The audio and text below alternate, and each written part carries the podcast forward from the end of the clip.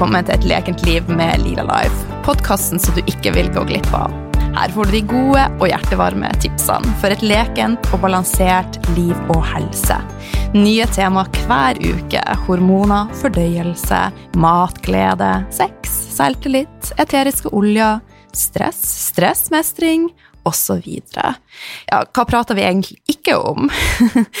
Noen ganger så har jeg med meg spennende gjester, og av og til så er det meg. Og hvem er jeg? Jeg er Oline, jeg er næringsterapeut, yogalærer, veileder i eteriske oljer, mamma, livsnyter og har ei brennende interesse for ei naturlig helse. Jeg har vært alvorlig syk i mange år, og nå er jeg 43 år og faktisk mer vital enn noen gang. Livet, det leker lite grann. Mitt mål med denne podkasten er å vise at det er mulig å gjøre en stor forskjell med små endringer, brikke etter brikke, steg for steg. Sharing is caring, og jeg blir så glad om akkurat du tar deg tid til å legge igjen en kommentar på iTunes. Det betyr at budskapet når flere, og gjerne tips en venn, naboen, en partner. Ja, du får lov å tipse faktisk hvem du vil. Et stort smil og en smask ifra hun Line Lila Life. Dama, tusen takk for et fantastisk show i går. Det var befriende, det var klokt, det var artig, og det var sterkt. Sånn at det berørte på alle plan. Eh, og det er et show som jeg fra hjertet kan anbefale til alle. Så dere som er i Tromsø, gled dere. Eh, og det er ikke så lenge siden jeg og du, Dora, vi møttes i Oslo, og vi skulle egentlig prate om ganske alvorlige tema, men jeg hadde gangsperra i kjeften i flere dager. Jeg flirer og jeg flirer og jeg flira. Eh, men nå er du jaggu kommet til Bodø. Ja. Eh, likte du meg så godt? Vi satte Bodø på kartet etter at jeg var på podkasten din. Jeg tenkte jeg kan ikke dra noe sted uten å være innom Line. Men med deg har du også hun Cecilia Wennersten og Bjørg Toralsdottir. Så hjertelig velkommen, eh, dere tre damer. Det er en stor glede. Tusen takk. Takk. Jeg er nysgjerrig ernæringsterapeut. Jeg er mer enn det, men jeg har lyst til å vite Dette er litt sånn off the record, men hvordan starta dere dagen deres? Jeg, skal, Ja. Berett om din dag i dag, Bjørg. Jeg sto opp klokken halv syv, og så tok jeg på meg joggesko, og så jogget jeg en halvtime. Og så kom jeg tilbake, og da gikk jeg ned og hentet en kaffe nede. Og så planla jeg dagen min, og så satte jeg meg ned og tegnet litt, og så gikk jeg gjennom papirer og mailer og alt sånt. Og så pakket jeg, og så er jeg her. Men Er dette noe som du gjør hjemme også, at du har en sånn fast struktur på hvordan liker hun Bjørg å starte dagen sin? Jeg er faktisk helt, helt psycho blitt. Men det er fordi at da blir jeg så lykkelig og har det så bra. Mm. For jeg hadde på sånn derre diffuser med I dag så hadde jeg med lime, så den neste som kommer inn på hotellrommet mitt, kommer til å dunste av lime. og så hadde jeg med min liksom meditasjonsmusikk, så inni det rommet så tenkte jeg at dette her er nesten som spa, for at det er et Nei, nei, Og så før jeg dro hit, så satt jeg på sengen og mediterte i den der diffuse lukta av meditasjonsmusikk. Men det er jo kjempeviktig å gjøre ting som gjør at vi blir lykkelige. Ja. Ja, jeg har med en gave til dere. Da blir du veldig glad. Nå er jeg veldig glad, for jeg har med eterisk olje til deg. Nei, ja. fantastisk. Så nå har jeg røpa det. ja, Men det er også sånn at jeg har mine faste rutiner, og det gjør at jeg også blir en bedre versjon av meg sjøl. Enn du, Cecilia? Ja, just nu, precis just nu så bor jeg veldig mye på hotell. Ja. Så da blir det jo andre typer av rutiner än hemma såklart. Ja. Men eh, jeg er veldig duktig på å spise frukost i alle fall nå når jeg bor på hotell. Ja. Hemma blir det ofte litt sämre. Ja. Eh, men eh, ja, vad ska jag säga? Jag har nog inte egentligen så jättefasta rutiner på morgonen annars, utan det blir lite som det blir. Det Ja. blir så när man har barn som ska till skolan och Ja. jag har dessutom en son som har lite svårt att gå till skolan så då, då blir det väldigt mycket fokus på att få honom dit överhuvudtaget Mm. på morgnarna. Men eh, annars så, just morgonrutiner är jag inte så, jag inte, har inte så fast rutiner. Men det er helt greit, det Så det är egentligen väldigt bra att bo på hotell. Då får man i alla fall mat. Ja. Ja. Og bra mat, De fikk litt å velge. Mm. Enn du, Dora? Ja, nå skulle jeg gjerne hatt en sånn magisk formel som er sånn jeg står opp, og så gjør jeg det, og så gjør jeg det, og jeg anbefaler alle å gjøre det samme. Eh, så flott er det ikke. Nei, det handler jo litt om å stå opp, og så er det barn som skal til skolen, og matpakker og sånne ting. Og så hvis jeg da kommer hjem og har litt tid før jeg skal noe, eh, så syns jeg det er veldig deilig, og jeg er veldig glad i lister. Eh, sånn at det er akkurat som at Dagen begynner ikke før jeg har skrevet opp hva jeg skal i løpet av dagen. sånn at jeg føler jeg har oversikt over hva som skjer. Eh, og hvis jeg kjenner at jeg har et litt høyt, høye skuldre og stressnivå, så syns jeg det er veldig deilig å faktisk sette på sånn guided meditation som er jo på Spotify og YouTube og rundt omkring. Eh, og så, om det bare så er ti minutter, så merker jeg at da roer jeg meg hvis jeg kjenner at jeg har, er litt stressa. Men utover det så er det egentlig Jeg er veldig opptatt av å spise frokost og jeg har veldig stor appetitt om morgenen, egentlig. Ja. Ja. Føler du alltid har stor appetitt? Ja. Dora er alltid sulten. Så klikker jeg hvis jeg ikke får mat til faste tider. Ja, da. Du, er det søskenkjærlighet ute og går her? Du, det er, jeg tror Cecilie kjenner litt på det, fordi hun er jo med to søstre på tur som eh, Vi er så vant til å ha hverandre i nærheten og har jo mye med hverandre å gjøre, sånn at det er ikke så mye høflighet ute og går alltid. Det er bare sånn Dora, du ser helt grusom ut i de klærne. Bjørn, gå og legg deg, du ser utslitt ut. Ja, sånne ting. Ja, hvordan er det å være mellom to søstre, Cecilia? Ja, mellom mellan de her to søstrene tycker jeg det er helt magisk. Så bra. Ja, de er fantastiske. Det, men det jeg tenker ikke så mye over at dere er søstre, egentlig. Nei, Nej. Syns ikke de spydighetene som kommer Nei, jeg vet ikke. Jeg har vel vant meg, kanskje. Men eh, det er jo Ja, men, ni, ja, men det er vel i og for seg Ni, sier jo hva som helst til hverandre. Ja. Mm. på både godt og ont. Ja. Og, jag, och då, går fikk jeg si til deg nå får du være snill med Bjørk. ja. Når du sa noe. Men ja, Ja. så da får jeg vel være der imellom og stoppe opp dem ibland. Ja, det er bra. She's a men- peacemaker. Men, Men dere- be- väldigt härligt att vara med dem. Ja, så fint. Det kan jeg tenke meg til. Men dere er jo tre kreative, inspirerende og hjertestyrte damer, vil jeg si. Hvilken vei det her showet til? Hva er bakgrunnen til at dere lagde showet? Det kan Dora fortelle. Skal jeg fortelle det? Ja. Jeg trodde du ville fortelle det. Jeg kan begynne, så kan du overta hvis Ja, du vil. det er gøy. Ja. Det begynte i eh, 2013. Så ble vi spurt om Bjørg og jeg Vi ble spurt av hun som da eh, var ansvarlig for arrangementene på Lørenskog hus, om hun og jeg kunne komme, for hun hadde fulgt med begge to, og sa kan dere gjøre noe sammen for sånn Damenes aften, som vi tenkte vi skulle ha. Og det hun ikke visste, var at Bjørg og jeg allerede hadde snakket om at det hadde vært gøy å gjøre noe sammen, fordi egentlig gjør vi litt like ting. Vi snakker jo veldig mye om at vi, jeg i terapi treffer så mange kvinner som har så lave tanker om seg selv, og Bjørg når hun har foredrag og kunstutstillinger, er fortvila over det samme, hvor mange som har så lave tanker om seg selv. Så vi snakket om at vi har jo litt like ting vi brenner for. Og så kom dette tilbudet, og så skulle Bjørg lansere Lykkebobler, den kavaen som hun har, akkurat den høsten der, den oktoberdagen.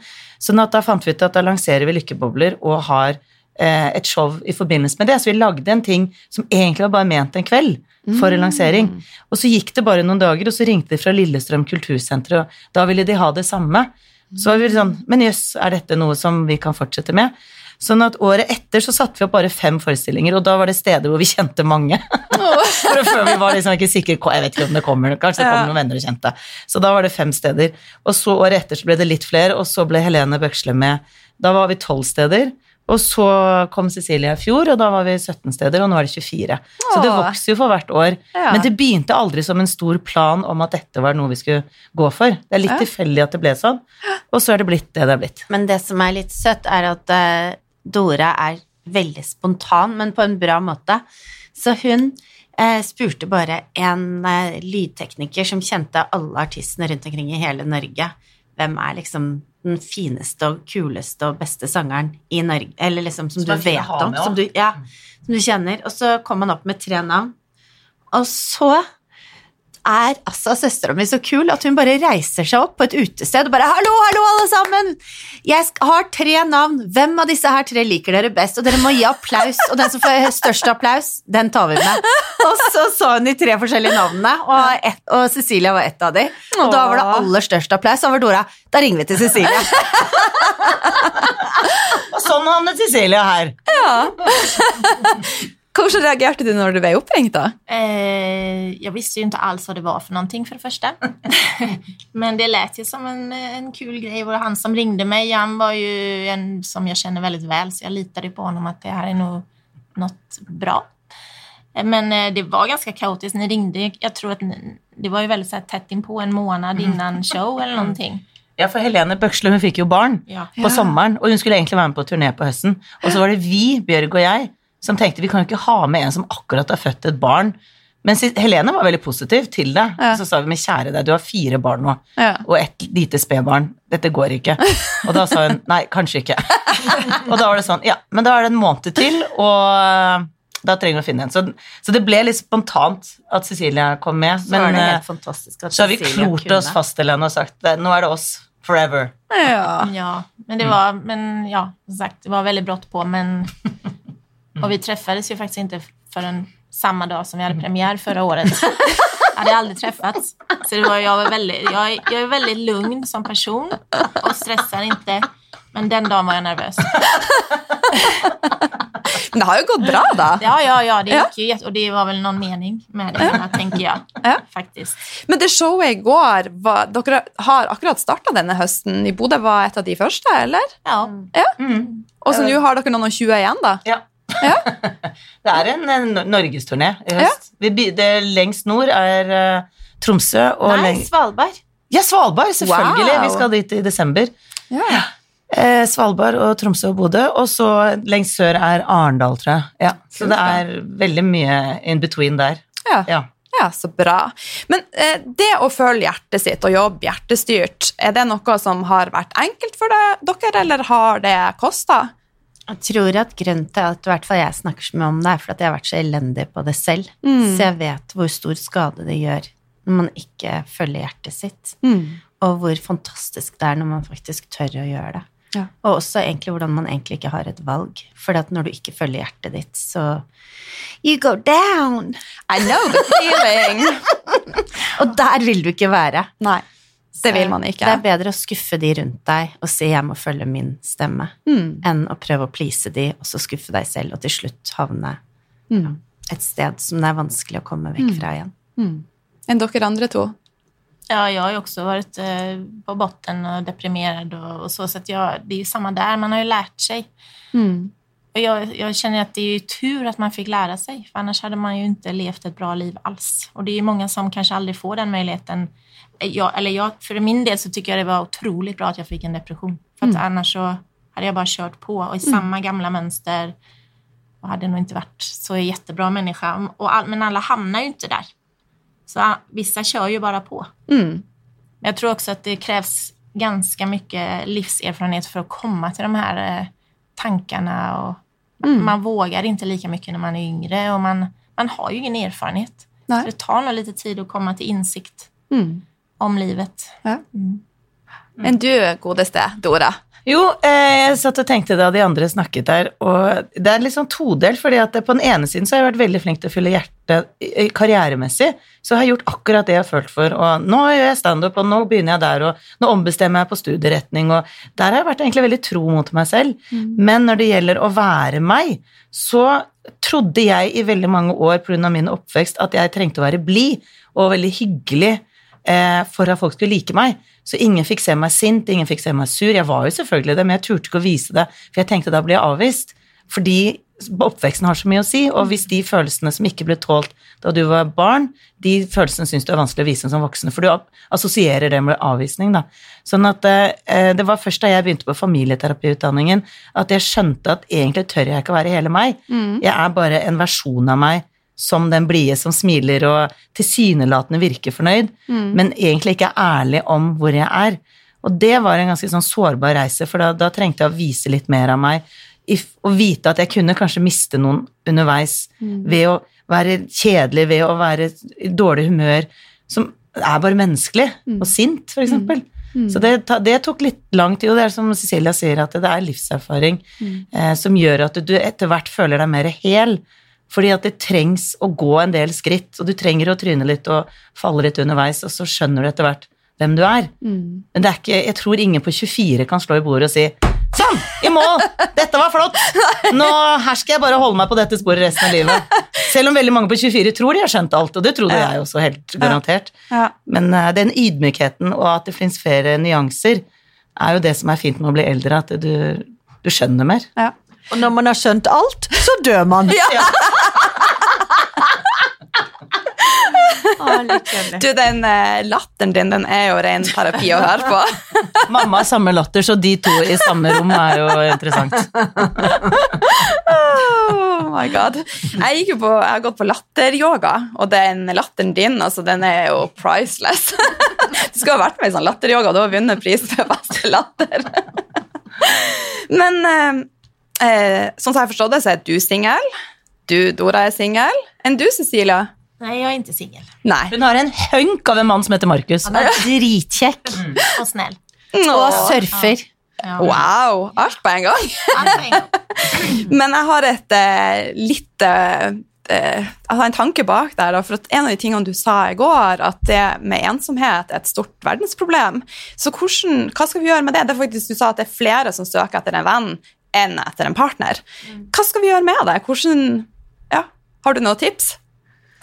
Um, jeg bare vet hvor utrolig vondt det er å være ensom. Og så, i hvert fall i mitt tilfelle, når jeg har vært ensom, så jeg, har jeg mistet troen på min egen verdi. Så jeg tenkte at det er ingen som ville leke med meg eller være sammen med meg. Eller. Og så når du har masse venner rundt deg, så tenker du å ja, men jeg er dødsgøy å være sammen med, og så tør man å snakke med alle mulige ukjente og sånn. Men jeg tenker at hvis alle tar litt ansvar, at du sier hei til menneskene rundt deg og smiler, og faktisk er den første som smiler når du går inn på bussen, for det kan bety en verden av forskjell. Du kan starte håpet til noen bare ved å gi dem et smil, og så føler de at de har vært noe. Og det er et indianerspråk i Nord-Amerika hvor det å se og det å elske er samme ord. Og det å bli sett er jo det som gjør at du føler deg elsket, for det Ja. eksisterer du. Du fins. Ja. Og du vet jo hvor vondt det gjør når, du ikke, når noen ikke ser på deg, svarer deg og ikke ser på deg, så føler du deg ikke sett, og du føler deg ikke elsket. Nei. Så bare det å si hei til hun som sitter og tigger på gata, tror jeg er å gi verdighet. Ja, bare å se. Ja, det Og det er så enkelt. Det er så enkelt at bare titta noen i øynene og si hei. Eller bare bara smila. Det, kan man, det är så enkelt och det kan betyda så mycket. För folk, ja, nu blir jag upprörd känner jag. Folk sitter med sina mobiltelefoner på tunnelbanor och bussar och de ser inga andra människor. Nej. Jag får nästan panik eller sånt. Alltså, det, är, det är hemskt. Og vi trenger hverandre så utrolig mye. Det sier jo alt at et spedbarn som ikke blir tatt på, dør. Og vi har blitt voksne, så vi dør ikke, men det skjer noe med oss når vi ikke blir tatt på Ja. og ikke føler omsorg, Ja. eller ikke kjenner det fra andre. Men jeg tenker at eh, hvis man er ensom, så er fin man kan, der fins så mange muligheter. Det å tørre å bli med i en turgruppe, eller bare være litt aktiv, og så gå inn, og så bare stole på at du er kjempeverdifull uansett. Jeg vil bare skyte inn som eh, med terapeuthatten godt uh, festa på, at eh, ensomhet tenker jeg også handler om ditt forhold til deg selv. For det finnes jo de som er sammen med masse mennesker og fremdeles føler seg ensomme. Og du kan være ensom i et forhold, men det er veldig mye at hvis du har opplevd mye og eh, ikke føler deg inkludert som barn, hvis du følte deg liksom utafor, ikke en del av flokken, ikke en, liksom den, den sorgen over ikke å høre til, så tror jeg veldig på at når du jobber med å like deg selv bedre, elske deg selv, eh, så vil også ensomhetsfølelsen avta fordi at du trives i ditt eget selskap. Så jeg tror det elementet Det er jo flere sider av det, selvfølgelig, Ja. men jeg tror det er lettere hvis du liker den du er, å ta initiativ til å gå på kino, eller er det noen som blir med dit eller dit, eller du, nå kommer den konserten, er det, hvem vil være med? Vil du eh, Det er lettere å, å tenke at jeg, det er noen som vil være sammen med meg hvis du syns at du er et ålreit menneske. Ja. Men du trenger ofte å begynne der, tror jeg også. Men det er vanskelig. Jeg vet at det er mange innflyttere til Bodø og til andre steder som kommer hit uten å kjenne noen, og når du ikke har barn på skole eller har sånn naturlige steder å møte noen, så må du liksom jobbe, og da er det en lang periode hvor man må liksom lete etter venner og prøve å finne sin plass. Og det kan være utrolig sårt og vanskelig, uansett hvor godt forhold du har til deg selv. Ja. Og hver, de sier at hver tredje nordmann er ensom. Det er et høyt tall, altså. ja, det er kjempehøyt. Så, jeg tenker at det kan bidra ifall man faktisk vi andre mennesker da, kanskje gjør denne greia at man smiler åt folk og sånt. At den personen som er ensom, kjenner seg sett av noen, og kanskje i sin tur vågar, alltså, vågar ta ett steg inn i noen, noen annen gemenskap. Eller, det kan man jo hoppas. Mm. de sier at det å være ensom er like stressende for kroppen som å røyke. Så de som ikke er ensomme og røyker, kan ha god samvittighet. Men jeg tror jeg fikk bare lyst til å skyte inn at vi, Bjørg og jeg bodde jo med barna våre i, eh, på Hawaii et halvt år. Og da tenkte jeg mye på dette med ensomhet, at det tror jeg er mye mindre av sånn som USA, hvor de har en mye mer sånn åpen måte å være sammen på. Fordi når, da vi flyttet, vi kjente jo ingen, Nei. og i løpet av turen, for vi bodde rett ved en dagligvarebutikk, så bare det å gå til den butikken og tilbake, så hadde du snakka med åtte personer. Fordi for dem å stå i en heis, så er det helt unaturlig ikke begynne å snakke. Når vi sto i kø, så var det ingen som ikke snudde seg og sa hei, how's your day? Og de var ikke så opptatt av kan du komme med CV-en din og hvilken boks skal jeg putte deg inn i, Ja. men det var mer how's your day? Og da kunne du si it's fine, eller så kunne du si jeg er på vei dit, eller jeg har akkurat vært, og, og plutselig hadde du en samtale gående. Og da tenkte jeg veldig mye på at her tror jeg det er mye mindre ensomhet, fordi at fremmede mennesker snakker til hverandre, og det er helt naturlig. Og så tenkte jeg dette her skal jeg ta med meg hjem. Dro på Rimi første dagen jeg kom hjem omtrent, snudde meg og sa hei, åssen har du det i dag? Og de blikkene jeg fikk, da tenkte jeg bare dette her orker jeg ikke å fortsette med. For jeg ble jo bare the weirdo i køen som skulle prøve å få i gang samtale med folk som ikke ville. Men, eh, men jeg tror den kulturen der, altså den det er nesten så jeg skulle ønske det gikk an å adoptere den bare sånn over natta. jeg er helt Men det enig. skal Ja. sies at jeg snakker med alle mulige. Bare på veien hit så snakket jeg med en som hadde gått tom for, for strøm på bilen sin. Oh. Og vi fikk en hyggelig samtale. Han skulle ha en venn som kom og skulle hjelpe han, og vi ble enige om at det å ha en god venn, da er man rik og heldig. Ja, så Så det da. bare, hvis du trenger en klem, så ta en klem. Jeg har akkurat kommet hjem fra USA. Jeg har vært på roadtrip i 15 dager, og jeg er helt enig. Altså, folk der de er på en mer åpen måte. Og en dag i San Francisco så satt jeg og en venninne bare på en pub, og vi satt bare og prata med alle som kom inn og ut, og fikk så mye nye venner. veldig, veldig eh, inspirerende. Men det er virkelig, det er noe vi borde ta til oss. for her i Norden er vi veldig Man, kommer det noen og setter seg ved buss, på bussetet, så får man litt lite, å nei, skal vi, ska han sitte der? Det er jo tomt der borte. Altså, det er jo så Ja. konstig innstilling. Ja. I våran kultur är det ju så. Så är det ju inte i andra Men vi kan forandre det! Ja, det kan vi. den är, den är svår att förändra men det Ja. behöver verkligen Nei, det er göras lytterne her forandrer seg, Ja. og så er det sånn dominobrikker. Igår, jag måste bara berätta, jag satt på hotellrum i Oslo igår och då satt jag vid ett bord och skulle äta frukost och så, och så gick jag och hämtade mat. Jag hade ställt någonting och så gick jag och hämtade mat och då såg jag att det var ett glas på mitt bord också. Eh, och så kom det en då kom det en, en Hare Krishna-munk och satte sig bredvid mig på, vid det bordet och han bara Oh, sorry! Och så gick han därifrån. Jag tänkte, han om någon kunde ju bara suttit kvar. Men till och med han, han bara Oh, I'm sorry! Och så, Privatlivets ja, så gick han iväg liksom. Och det var nesten nästan lite synd. Jag hade velat prata med honom kände jag. Ja. Men eh, det er bra at Wenche Knutson Hun har jo lagd skravlekopp, som er på mange kafeer. Så hvis du drar innom en kafé, så er det en sånn grønn kopp, så står det skravlekopp på. Og hvis du velger å drikke av den, så betyr det at du vil at folk skal komme bort til bordet ditt. Wow. Så hun er dritkul. Hun Så må du ta intervjuet. intervjue. Ja. Så hvis vi putter litt skravlevin oppi der også, så blir det perfekt. og så er det sånn grønn eh, sånn, For Turforeninga har også Ja, ja, ja. grønne luer. Så hvis vi tar på oss den også, så kan vi være skravl. Vi kan også finne oss kjæreste, og vi kan drikke litt bjørgvin. Men jeg bare tenker, hvis man er ensom, bare å ta mot Ja. til seg og skjønne at man ikke er uvelkommen. For det var plutselig en ekskjæreste jeg hadde da jeg var 15, som sendte meg en melding, så bare skjønte jeg på meldingen at han var ensom. Og så hadde jeg tilfeldigvis kanskje 15 stykker til middag. Så jeg spurte om han ville komme på middag, men jeg fortalte ikke at det var 15 stykker der, for da skjønte jeg at da turte han ikke. Men han hadde det hyggelig.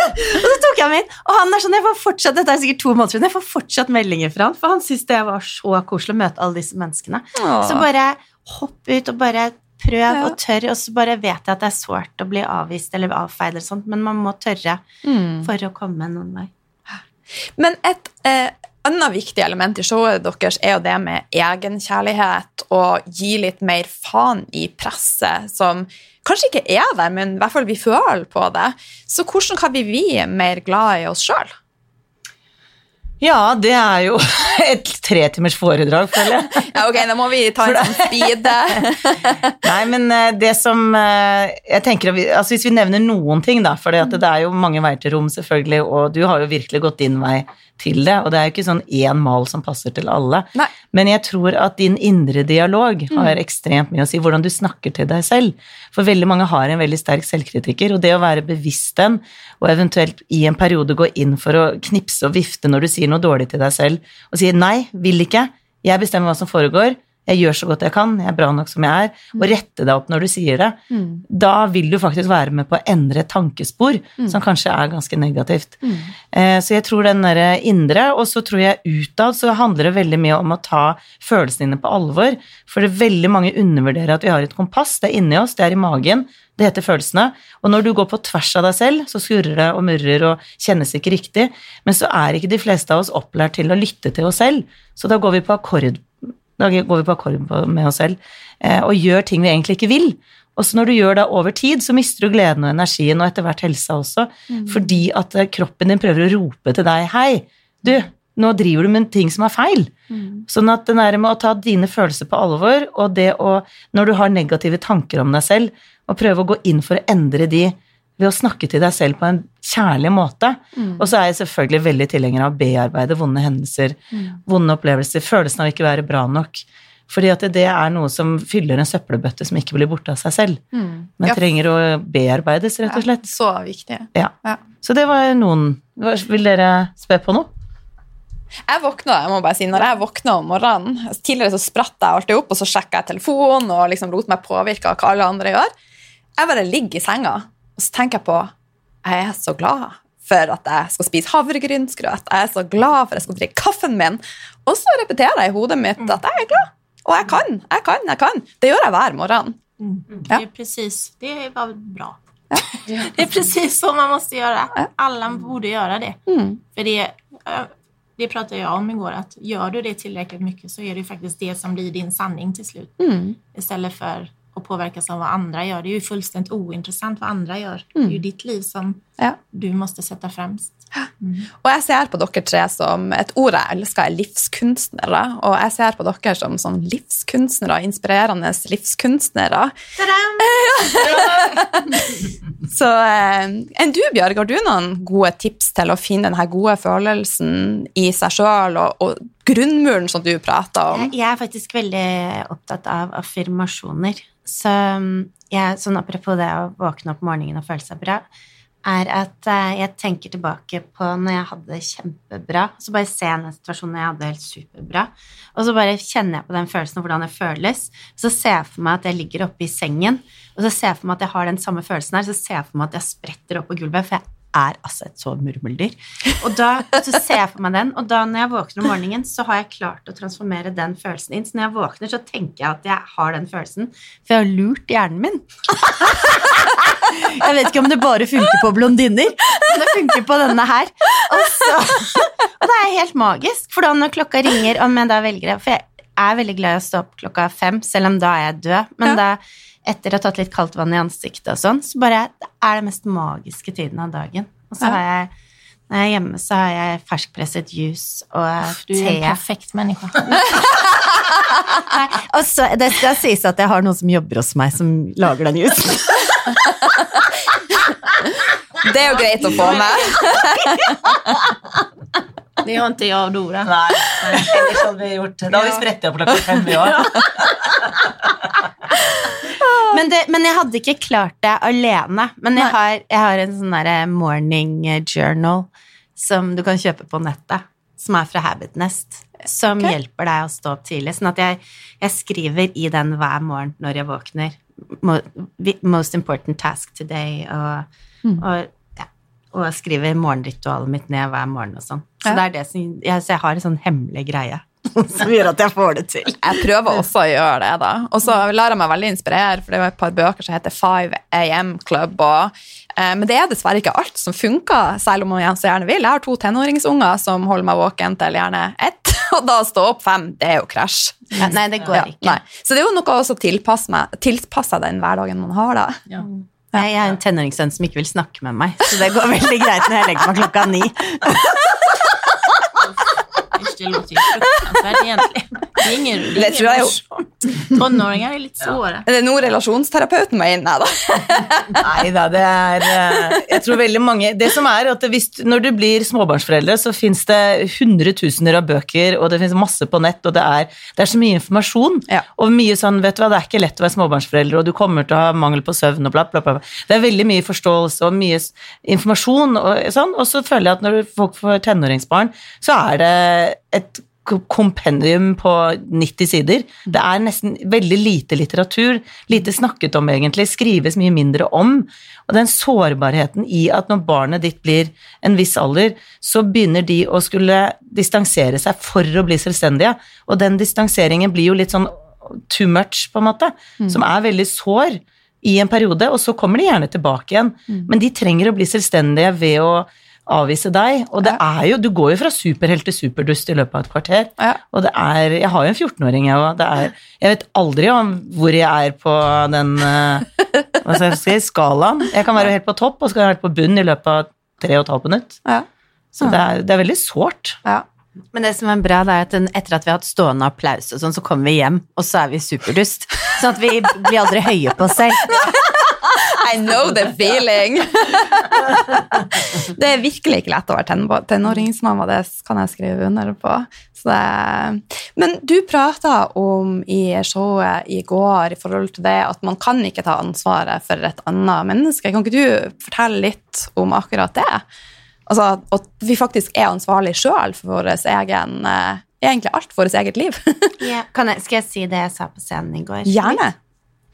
Eh, Der jeg lærte det, og det har vært en av de viktigste tingene jeg har lært i livet. Det har gjort at det er lettere å være her. Men det handler om at du kan ikke ta ansvar for andres liv. Det er ikke din jobb, men din jobb er å elske dem. Og jeg var gift med en alkoholiker, og dette her har jo vi til felles, vi tre her i studio, at vi har ikke vært sånn superflinke til å finne menn til barna våre. Pappaer. Men uh, Sorry at jeg flirer. Men jeg vant kanskje førstepremien.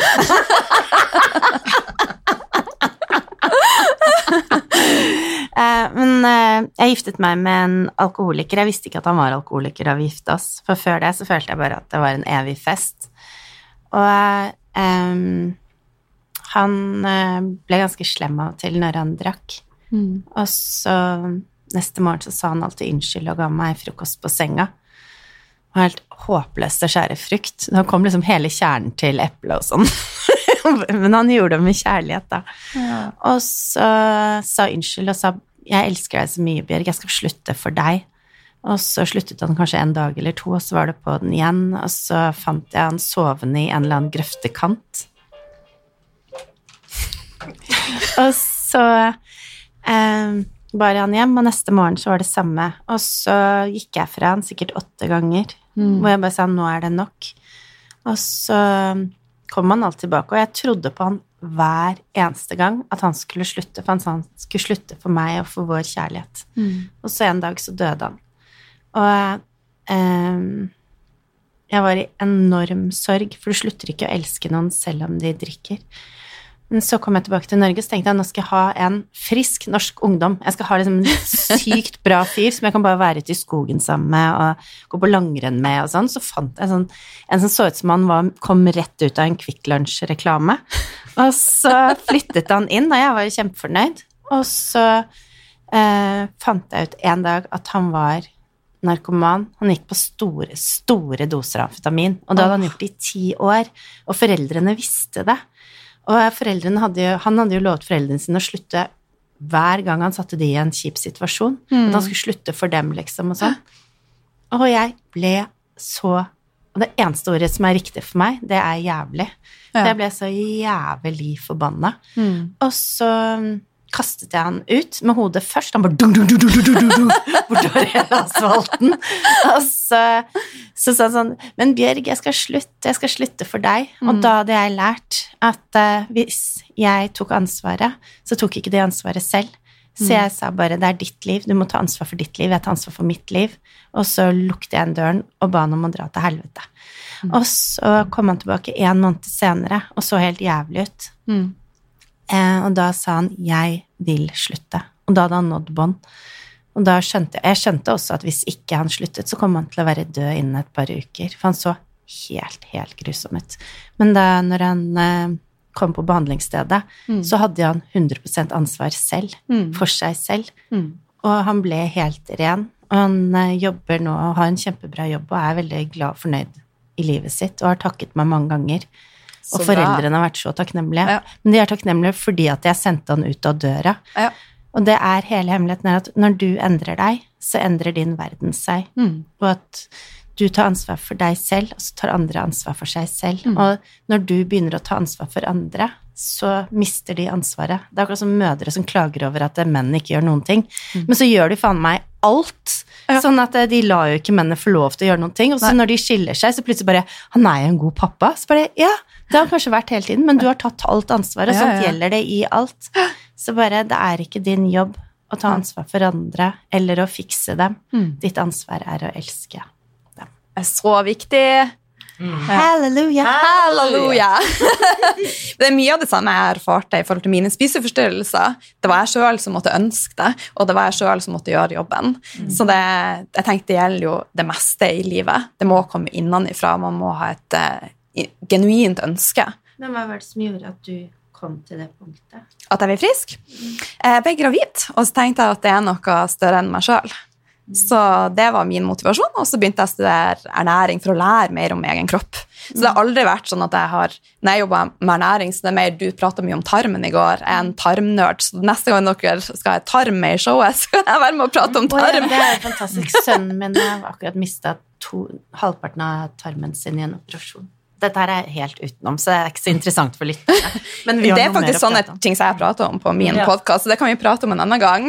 Så, men det er, tarmen er så spennende, og det er jo så mye som 70-80% av immunforsvaret vårt ligger jo i tarmen, og er med å regulere også utskillelse av dopamin og serotonin, sånn at det er så, så, så viktig.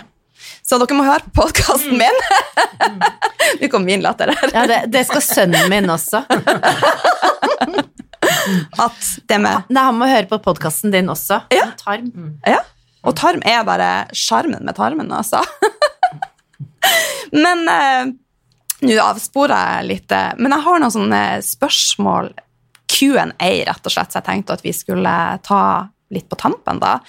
Så jente, hva er det beste verktøyet når livet føles litt trått? Kjipt? Ja, eh, eh, igjen så føler jeg at jeg sitter med den derre terapeut-greia. altså, jeg, det er litt vanskelig for meg å skille meg og Ja. uh, den jobben jeg gjør, fordi at jeg gjør det jeg driver og predikerer og snakker om. Men det som er at uh, jeg vet med meg selv at hvis jeg har det tungt i livet, eller noe er vanskelig, eller noe sånt, så har jeg eh, etablert en kontakt med mitt indre barn, altså da jeg var liten. Jeg kan veldig lett se henne for meg. Eh, Dora, av en eller annen grunn så er jeg veldig ofte ni år, og så har jeg en sveis som jeg vet jeg hadde da jeg var ni, og et antrekk. Jeg tror det er fordi jeg har sett flere bilder, jeg vet ikke, men dette her, alle har egentlig et indre barn, og det er egentlig bare en måte å connecte med deg selv, med sårbarheten i deg selv, fordi at barn elsker du ubetinget, eh, og de er så uskyldige på en måte.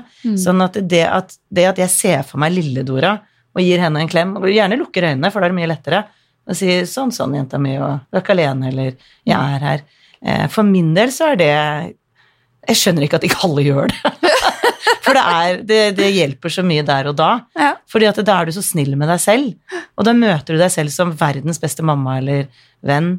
Som alle vil bli Vi snakket om det litt i stad. Alle vil bli sett og følt seg elsket for den du er. Og når du gjør det med deg selv, og du elsker ditt indre barn, så elsker du egentlig deg selv. Men det er bare en litt sånn smart måte å gjøre det på, som jeg syns er veldig effektiv, og anbefaler veldig å få kontakt med ditt indre barn. Dere andre damer? Ska, du, Skal jeg? Ja, for för min del så er det väl eh, om det er jobbigt eller hva det nu kan være, så eh, Nå kommer det fysisk aktivitet. Träna, du kan gå en promenad, springe, noe. For det, det stärker. Jag är lika intresserad av hjärnan som du är av tarmen kan man säga. Men det stärker hjärnan och du får, det blir lättare för dig att tänka. Mm.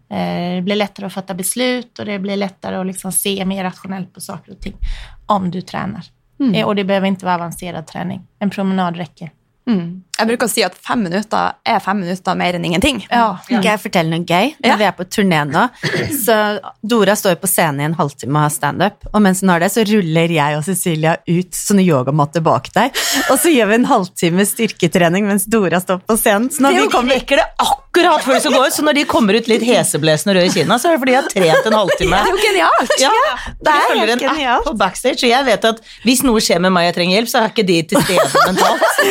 De er opptatt med Da står vi push-ups. downward dog eller et eller annet. Men det er jo Jo, fantastisk. igår var jeg der og hjälpte dig med mikrofonen. Ja, det gjorde du. Ja, men det er Ehm, Jeg er veldig fornøyd. Ja, Yngvar han gir mye mer. Han, jeg spurte hvordan han skulle begynne å trene, Han sa nei, fem minutter om dagen er bra nok. Så jeg tok et bilde og sendte til han. Han bare 'Jeg blir Du dør!' Eller 'Jeg blir rørt', fikk jeg bare tilbake. Ja, det er jo ja. Men jeg må si én ting også, at um, i sommer så var jeg faktisk eh, ganske langt nede, for at eh, sønnen min hadde blitt syk igjen, og jeg hadde bare ikke noe mer å gi. Og jeg var kjempelangt nede, da tenkte jeg, vet du hva, det er helt greit å være lei seg. Så jeg lå i sengen og var kjempelei meg en liten stund, og så eh, Og kjente på sorgen og gråt og var kjempelei meg. Og så ringte jeg til en venninne som driver med aromaterapi, og så sa jeg bare jeg er kjempelangt, men nå gidder jeg ikke være her mer. Så kan jeg komme til deg, og kan du massere masse oljer og sånn, sånn at jeg liksom får tilbake, klarer å snu dette her, liksom, for nå vil jeg opp mot lyset igjen.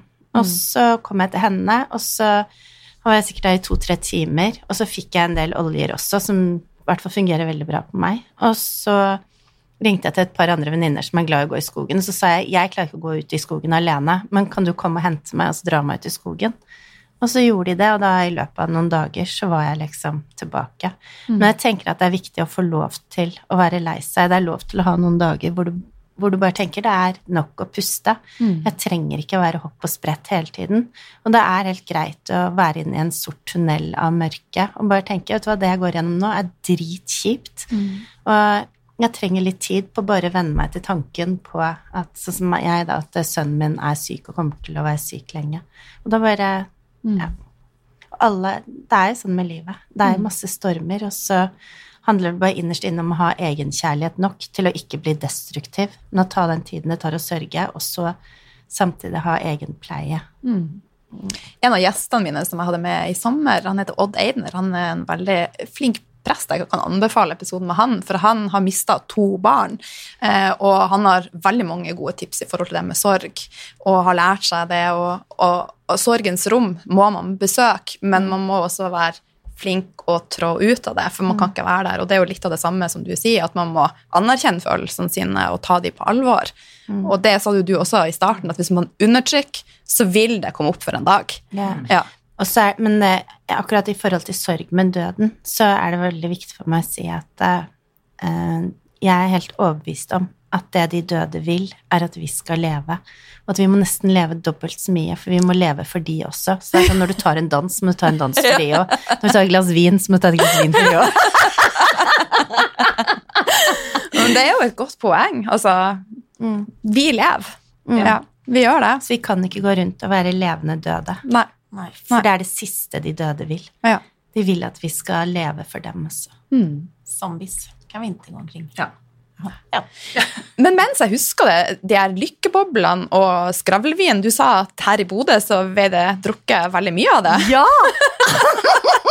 er ikke det gøy? Eh, jo, det er jo kjempegøy. Det beror på hvordan man sier det. Jeg, vi har sett på tallene og sånn, og Bodø er veldig glad i skravlevinen min og Ja. lykkeboblene mine. Og det syns jeg er så koselig, så da er jeg her litt når jeg ikke er her også. Det er jo fantastisk. Men eh, eh, det med å sette av tid til altså egentid, er dere flinke til det, dame? Eh, ja, jeg er kjempegod på det, fordi jeg har vært veldig dårlig på det. Ja. Eh, og det er da du skjønner at det er ganske viktig. Fordi en ting som går igjen som jeg er litt sånn fascinert av, er dette behovet veldig mange har for å si til folk som har mye å gjøre, at du må slappe av, du må slappe av, du må slappe av, fordi at ellers så smeller det. så- Så jeg har hørt det i mange år, for jeg har så mange baller i lufta. Eh, og jeg har tenkt, men det er så lystbetont det jeg gjør. Men selvfølgelig, så hvis du det er noe med å ikke brenne ut i begge ender. Sånn at jeg har liksom skimtet den der berømte veggen jeg har det. At den, jeg har skjønt at hvis jeg fortsetter nå, så smeller det. Så jeg har trengt å finne en måte at ikke jeg nærmer meg den veggen. Så for min del så er én dag i uka en hverdag som er hellig. Og det betyr at jeg har ingen avtaler i løpet av dagen. Ikke har jeg planlagt trening, ikke skal jeg noe på kvelden. Det er én dag totalt. Så nå på fredag så er, står det fri. Og da jeg er helt nazi på det. Ingenting skjer den dagen. Fordi da jeg da våkner den morgenen, så hjelper ungene av gårde på skolen, og så vet jeg at denne dagen er en sånn hente seg inn. Og det blir fort at jeg kan svare noen mailer og sette på en vask og kanskje gå på noe jeg vet ikke, jeg kjøper noen bursdagsgaver som ungene skal i bursdag til. Så det er jo det er en ganske sånn praktisk dag. Men det som skaper stress, er jo alt det du ikke får gjort, som du skulle ha gjort. Det er jo egentlig veldig stressende, og veldig mye av kjernen til stress er jo å ligge på etterskudd. Ja. At jeg burde ha. Jeg skal, og nå må jeg huske på Å, nå har jeg ikke tid til. Men hvis jeg vet at på onsdag det, Av en eller annen grunn blir det ofte tirsdag eller onsdag. At den er helt fri, så er det min måte å Det er egentiden for meg. som jeg og så vil jeg bare skyte inn at jeg har en videregående skole hvor de har sånn hudpleielinje eh, hvor det er veldig billig å gå. Og det er en time som koster liksom 250 kroner. Så der bestiller jeg time av og til, og gjerne på de, nettopp de fridagene. Eh, fordi at da er det bare meg-dag. Men det er veldig viktig å sette av tid, det er det jeg ser fram til. Ja. er at Det er ikke den der en gang i sommer, da skal jeg gjøre noe for meg. Men at det er noe jevnlig. Mm. Og dette tenker jeg er individuelt, men for meg så Nå vet jeg ikke hva dere svarer. Hvis dere Eh, Dora jeg så meg en gang når jeg var så ekstremt sliten. Så sa Dora Bjørg, du må sette liksom bare ha en fridag i uka i kalenderen din. Og som lillesøster så sa jeg ja, det skal jeg gjøre! og det er jeg så glad for at Dora lærte meg, for det har jeg faktisk. Jeg har en fridag i uka. Og det er helt magisk. Og det er ikke det ofte, Noen ganger ofte så sitter jeg og skriver en bok eller gjør et eller annet den dagen, men jeg har ikke planlagt noen ting. Mm. Nei. Sånn at jeg kan bare våkne opp, og så har- er, vet jeg at det er min dag, og alt jeg gjør, er en bonus. Mm. Og det er faktisk ikke noen andre som styrer agendaen din, det er du som Ja, ja. Og vi jobber jo ofte i helgene også, så det, det blir ofte at man ender opp med å jobbe syv dager i uken. Mm. Du da, Cecilia? Ja, fast jag har ingen sånn dag i veckan, men jag försöker ta meg lite tid varje dag. Ja. Eh, och- Och det är också, jag var också väldigt dårlig på det förr. Men nu, så är, nu måste jag göra det for at det skal fungere, allting. Men for min del så handler det mer om att då ta en promenad, eller jeg elsker å være ute, Jeg bor precis ved havet, så jag älskar att bara vara ute i naturen og, Mm. och gå, ja. til exempel. Så att det er vel en liten stund hver dag. Mm. Naturen er jo terapi. Ja, det er bland det beste. Både røre på seg og se alt det vackra. Uten mobil. ja.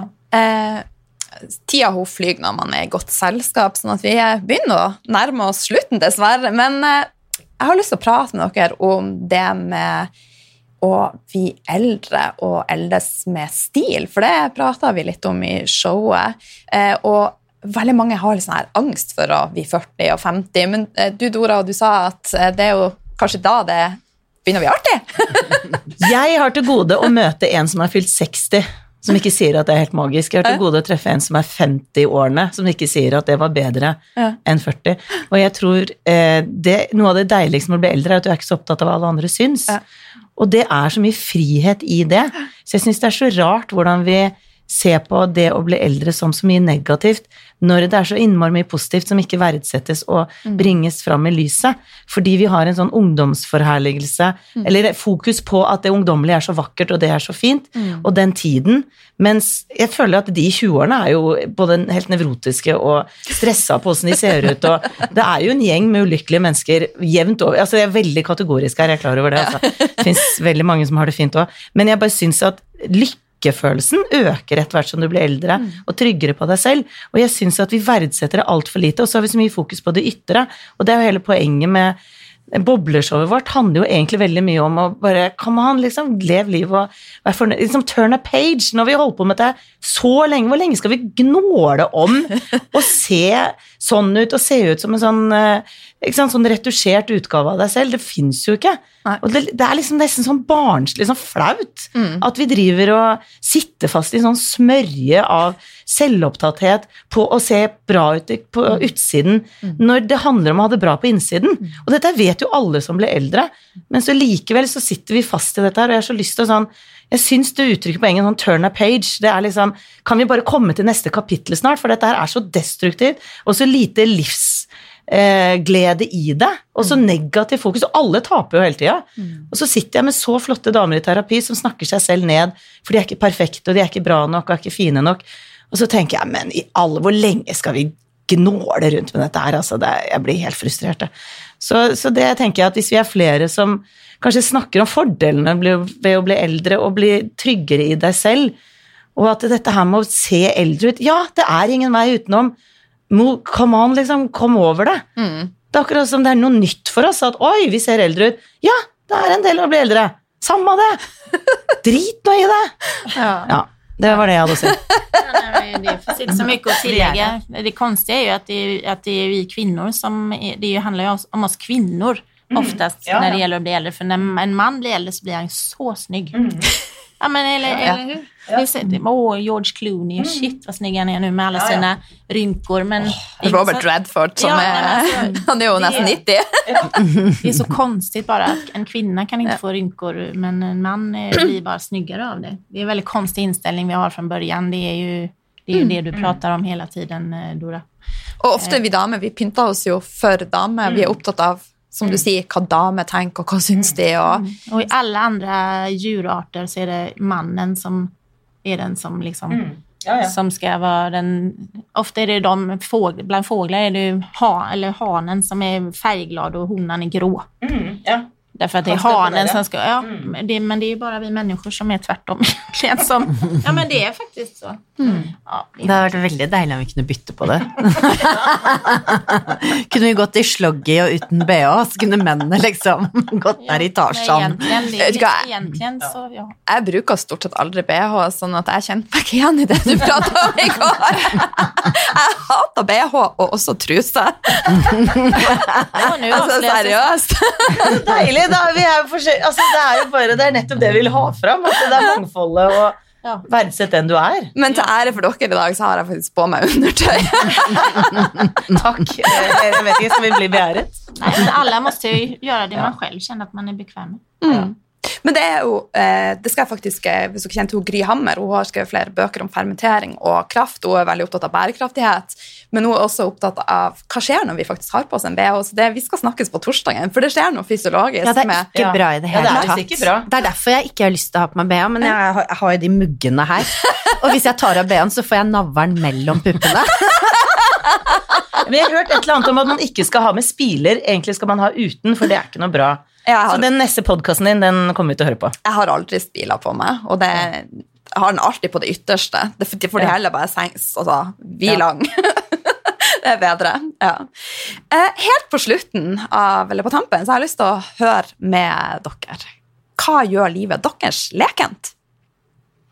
Jeg er jo nazi på lekenhet. Jeg det.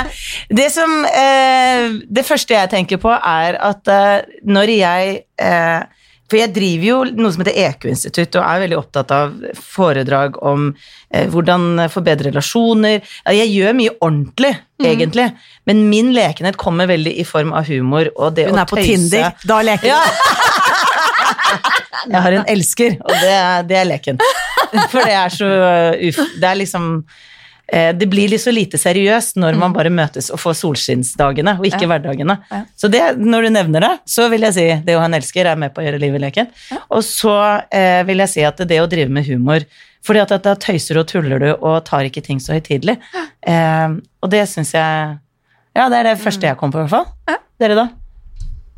Nei, jag, nej, men hva skulle jeg vilja si? Jeg skulle vilja si at man ikke får ta, ta allting så seriøst og alvorlig Och jag har ju en väldigt så, ganska enkel inställning till livet och det är att det ordnar sig. Alltså saker och ting ordnar sig. Man, man får inte... Jeg Jag vet inte vad jag ska säga riktigt. Men, ja. Cecilie er helt rå på å ikke krisemaksimere. Ja, vi har bra. vært i situasjoner Vi kom et kvarter før showet begynte i et av de stedene i fjor, og hun var bare helt rolig. bare, Det ordner seg. Jeg klarte å glemme å ha med Mac-en, der hvor hele showet er, eh, på en forestilling. Og kjolen sin. Og kjolen min, så jeg måtte låne en av publikum. Jeg gikk ut i salen. Kan jeg låne kjolen din? Og så bruker du mine klær.